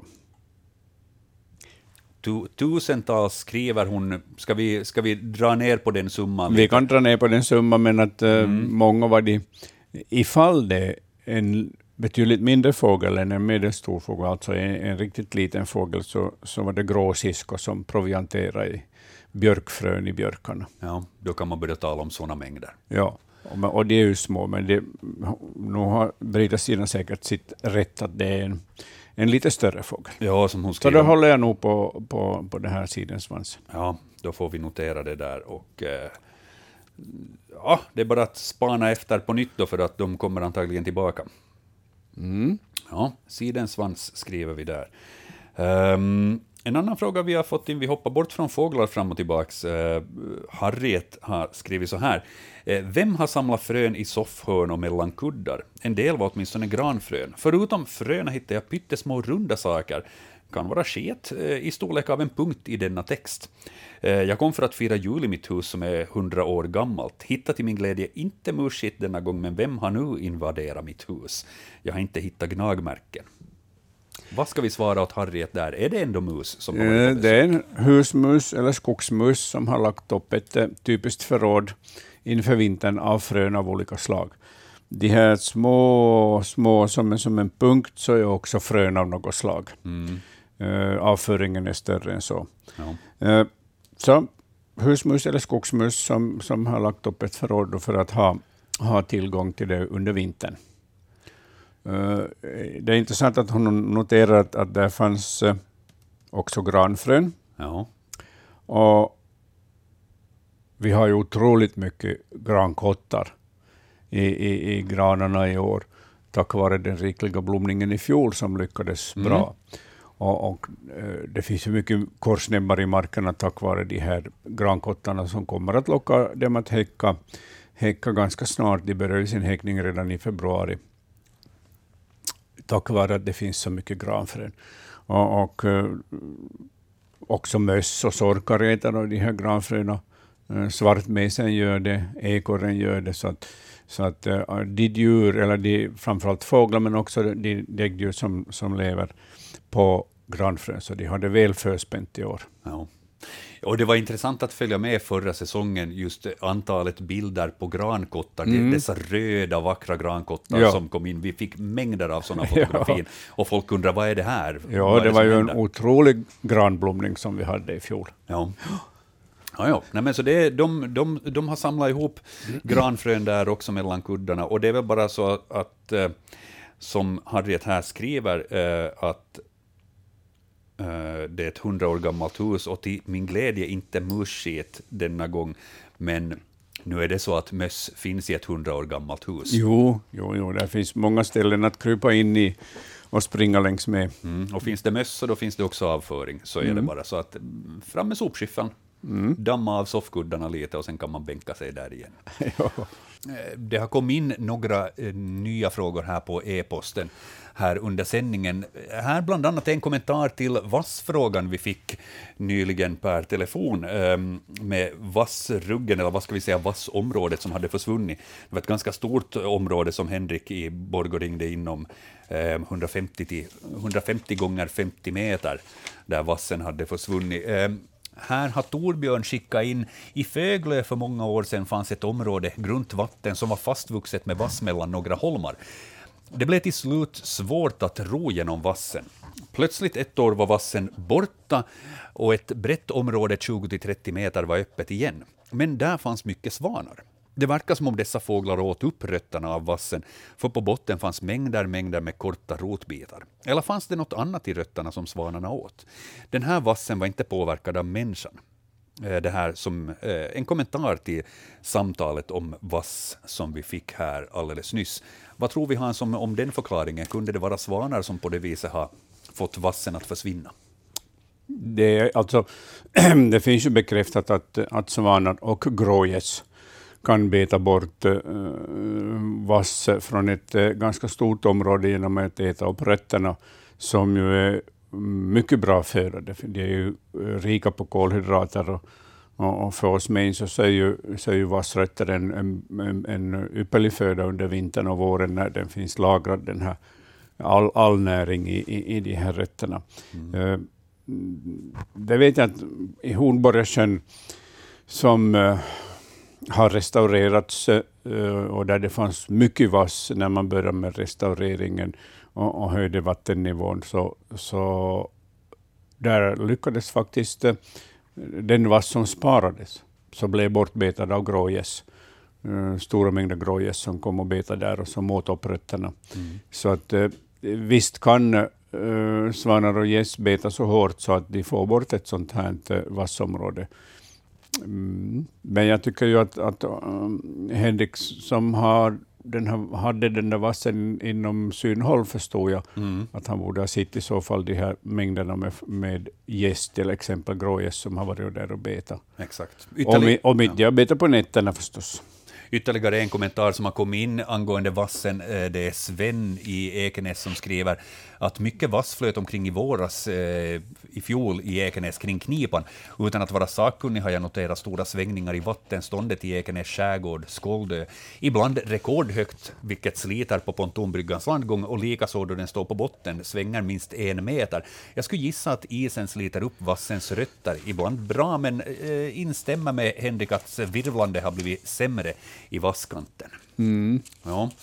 Så det vattenfluktuationer, isläge och liknande, det är kanske den största förklaringen till varför det försvinner sådär, vad ska vi säga, utan att man har sett. Ja, de största krafterna så finns förstås i, i isen och stormvågor. Det är alldeles klart. Ja. Eh, Peter i Fagersta i Borgå kommenterade också vasstjuven i Borgå är nog isen och vinden. Ja. Vi har i motsats fått fullt med vass, infrusen stående vass utanför Lillviken i Fagersta, där det aldrig tidigare under min tid på orten funnits vass. Ja. Ja, det är nog kanske där som vi ska hitta Ja. boven i dramat, helt enkelt. Eh, andra kommentarer som har kommit in, ja, de, de, det, det gäller mera nya frågor, men vi tittar på dem också. Eh, väldigt intressanta frågor som har kommit in här under sändningen. Eh, här är Patrik Majors eh, som har skickat in en bild på en väldigt vacker fågel och undrar helt enkelt bara vad är det för en fågel? Ehm, vi tittar på den så här snabbt. Hans var och titta på bilden också. Den finns inte ännu på bildbloggen, men jag uppdaterar den här efteråt. En rovfågel som är fotograferad bredvid, bredvid eh, husgrunden och, och nere vid stuprännan, så den sitter så gott som på marken där. Ja, en sparvhökhona som har tillfälligt landat på marken för att eh, efter, kanske, efter ett eh, förmodligen misslyckat försök att fånga någon, någon pilfink eller talgoxe på gården. De kommer gärna in till, till bebyggelsen där det finns mycket småfåglar tack vare vinterfågelmatningen. Så det är ganska vanligt att, att sparvhökarna, både honor och hannar, dras till de här eh, fågelmatningsplatserna. Väldigt fin bild och den Mm. är så eh, snyggt fångar den här väldigt, eh, vad ska vi säga, nästan laserfokuserade blicken som Ja, har. de har en intensiv blick, de här sparvhökarna. Ja. Eh, lyckat fotografi, bra gjort där Patrik. Um, andra frågor vi har fått in under sändningen, ja den här är också rätt intressant. Um, Anna-Lena skriver här från Korsnäs, eh, det här tassavtrycket fanns utanför huset i morse. Det är ett djur som sprungit här i natt. Avtrycket är cirka 12 centimeter långt. Är det månne ett lodjur eftersom det liknar avtryck av katt? Hans var att titta på det här också, och eh, det är rätt runt, det här formatet, den här bilden. Eh, man kan eventuellt, möjligtvis, möjligtvis se spår av klor där på den här bilden, och det brukar väl inte lodjur ha? Nej. 12 centimeter långt är stort. Det är ganska stort. Det är eh, ungefär så här, min handflata. Ja, om man, man sätter ihop fingrarna lite så där, Ja. så, så blir det ungefär 12 centimeter. En, jag skulle säga att ja, där fanns ju ganska tydliga klomärken. Ja. Stor hund eller varg som har eh, sprungit. Det kan det då eventuellt vara. Det, de, Ja. där, de där kloavtrycken så är, är, är på det viset. Och, och faktiskt 12 centimeter, det är, det är nog... eh, Lon har 7-8 centimeters tassar. Ja. Och det här var ett ganska nytt spår, det var fotograferat nu på morgonen och den har Ja. sprungit där på natten, så på det viset, snö har ju ibland en tendens att, att kunna göra spår större, Mm. så där om, det, om det får ligga ett tag, snön smälter eller sjunker ihop eller någonting sånt, då kan det ibland lura ögat lite. Men i det här fallet är det ett så pass färskt spår. Ja, stor hund eller varg. Mm. Vi får nog säga det.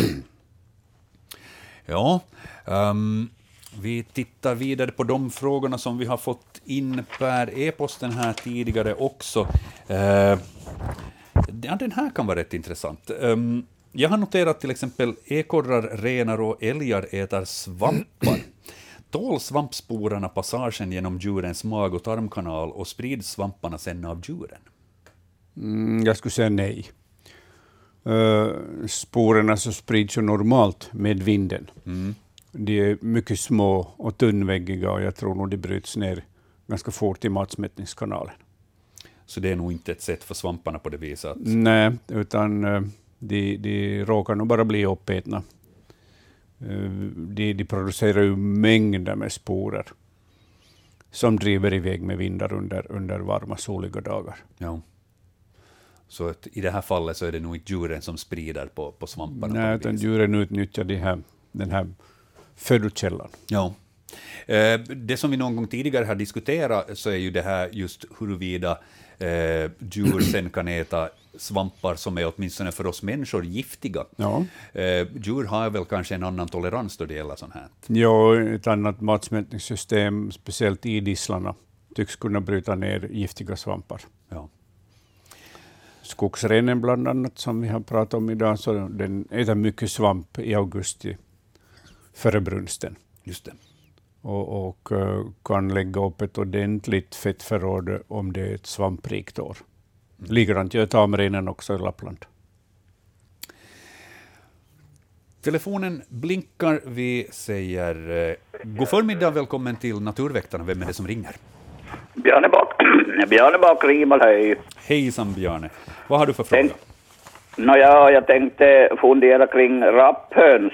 Ja, Eh, I fjol så hade vi eh, ett, ett ganska stor, stor mängd med rapphöns här som jag matade och de kom hit från eh, och, och började beta eller vad vi ska säga Ja. under snön for de på eh, de som jag hade sådd i åkern här nedanför ladugården åt korna och, och, och så hade ju vissa holmar hade ju obetade så var ju spannmålen kvar på ax, eller axeln kvar på ja. på Stråde och där, där jobbade intensivt men det blev ju mycket snö i fjol och så jag matade ju med, med spannmål här. Det blev isbark på, på snön och, och jag kastade ut eh, spannmål och då jag på, på, och så, som de åt. Men i, i, i år så är det har de uh, fly, flyttat en, en och halv, två kilometer härifrån och, och, och jobbar intensivt under en, en vallåker. ja.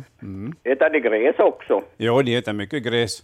Ja. Ja, och speciellt om, om det finns en vall som, som är grön då snön kommer, så där, där vistas de gärna och plockar i sig. Och, Ja, ja, ja, ja, nu jag tänkte, eh, eh, konstigt om de ogillar, ogillar spannmålen i år och, och, Ja. och Det kan nog det- hända att de kommer och äter av ditt spannmål ännu, men att de är, så här långt är de nöjda med, med vallen.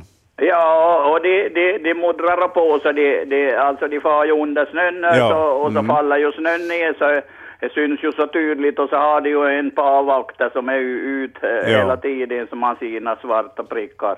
Ja.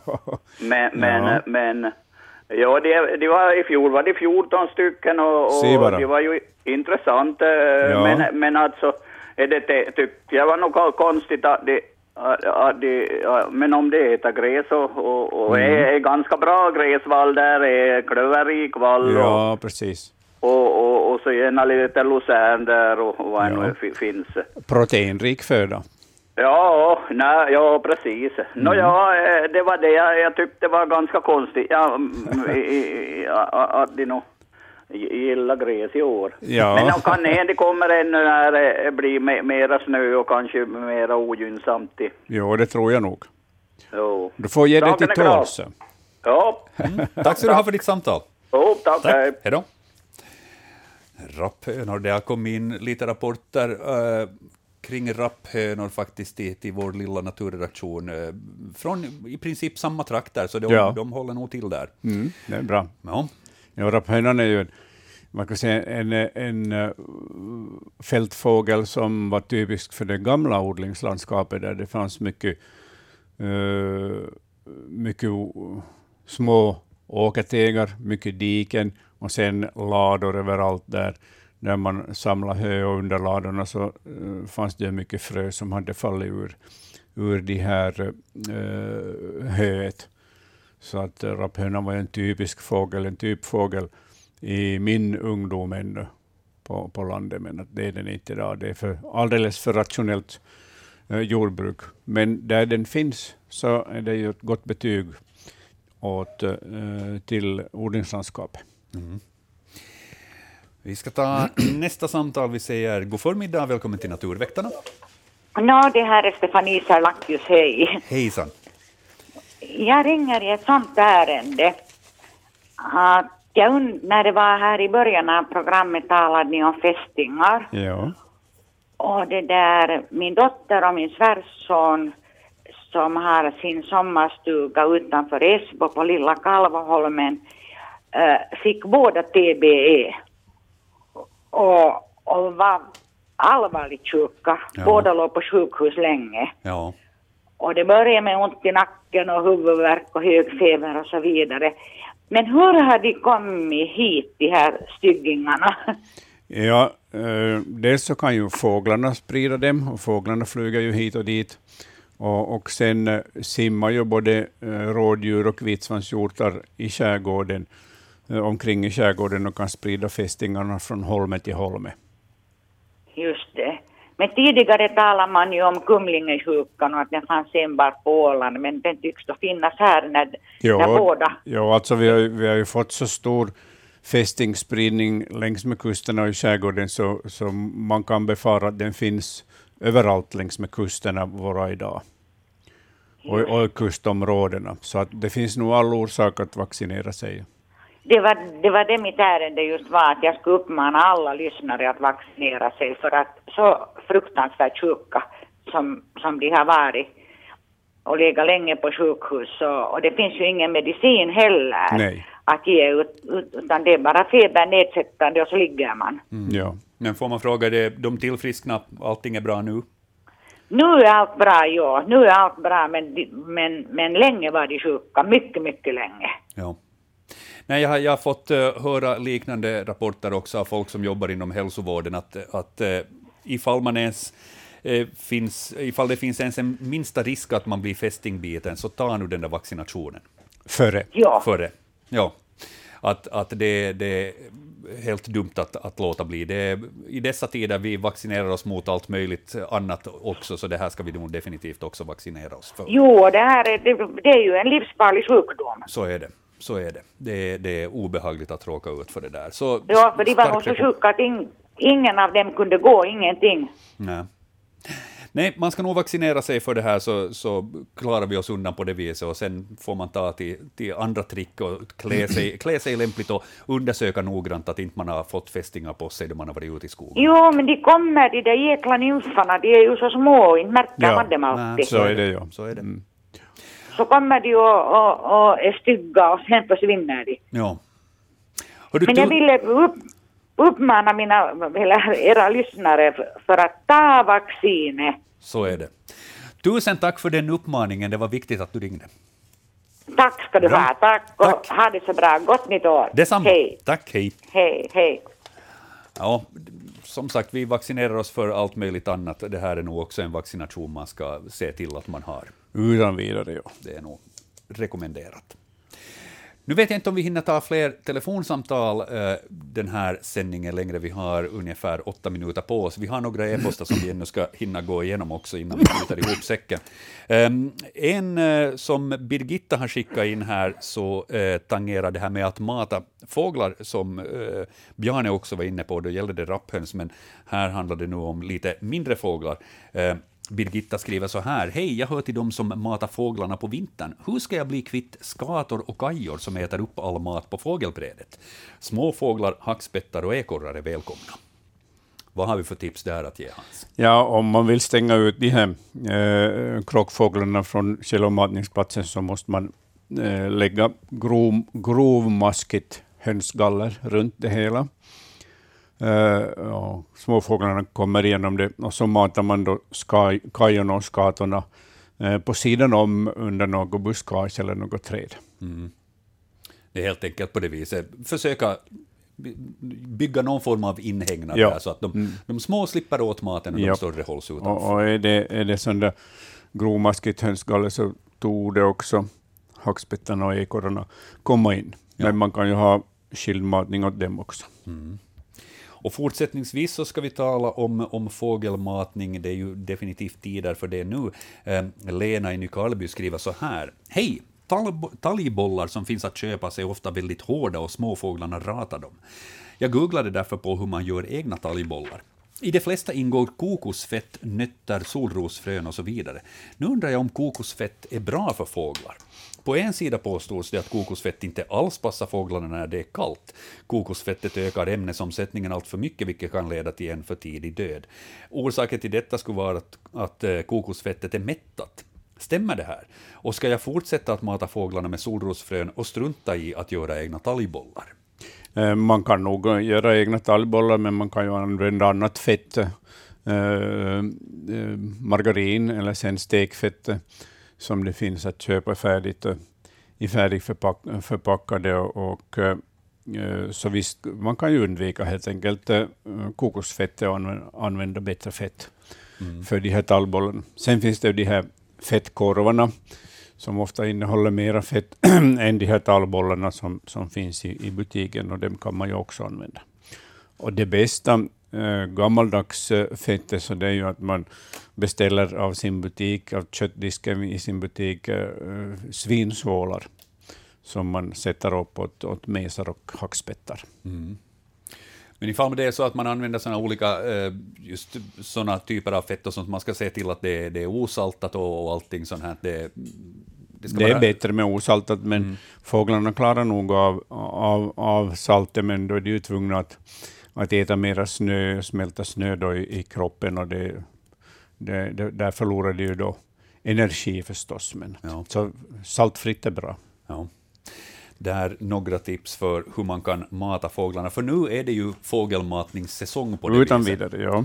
Vi brukar säga att sen då snön försvinner så då hittar fåglarna egen mat, så då, då kan man också sluta och mata för att inte sprida sjukdomar vid fågelmatningsställena och sånt här. Men nu vintertid så, så är det läge att, att bjuda dem på någonting gott. ja.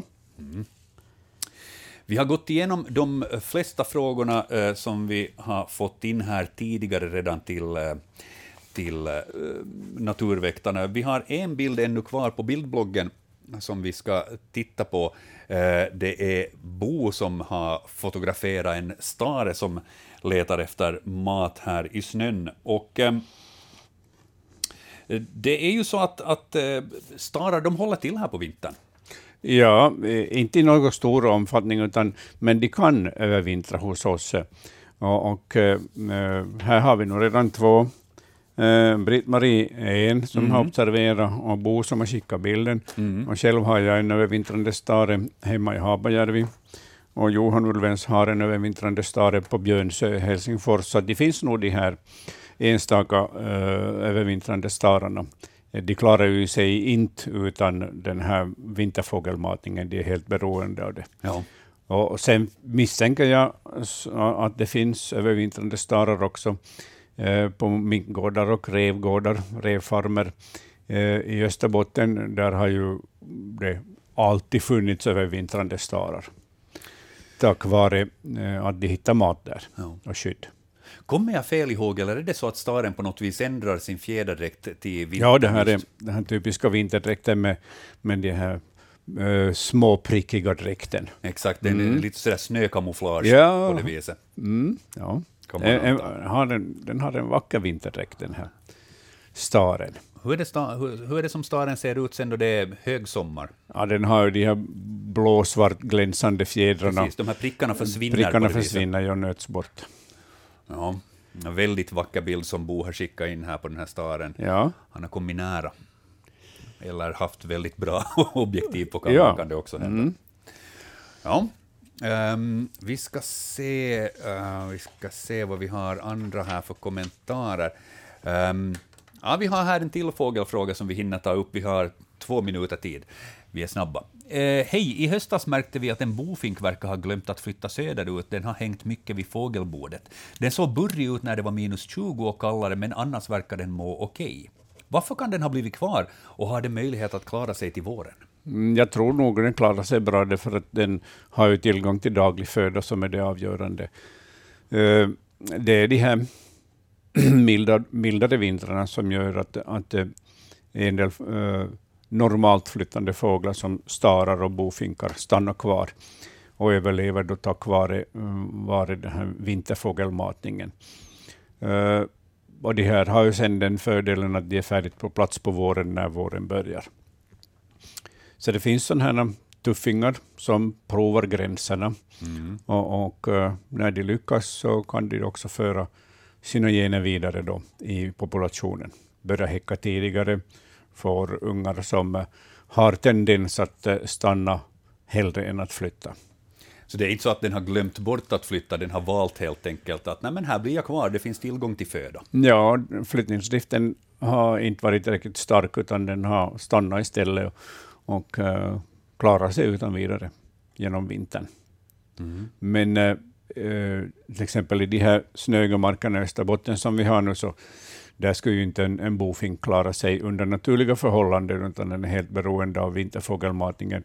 I södra Finland, där det finns tydligen barmark, så där hittar de ju frön av olika slag på marken och kan klara sig på det sättet. Men det är klart att de drar sig, att de lockas till uh, fågelmatningsplatserna i alla fall. Ja. Där är det ju lätt att leva. Fortsätt mata fåglar, speciellt ifall det finns någon bofink då som inte har rört på sig, så den kan behöva den maten. Eh, naturväktarna är slut för januari månad. Tack Hans för sällskapet och eh, din expertis. Eh, fortsätt skicka in frågor hit till oss. natursnabelayle.fi eller den gamla vägen tänkte jag säga, Naturväktarna Ylevega, postbox 12 00024 Yle. Dit kan ni skicka brevpaket och vykort och liknande.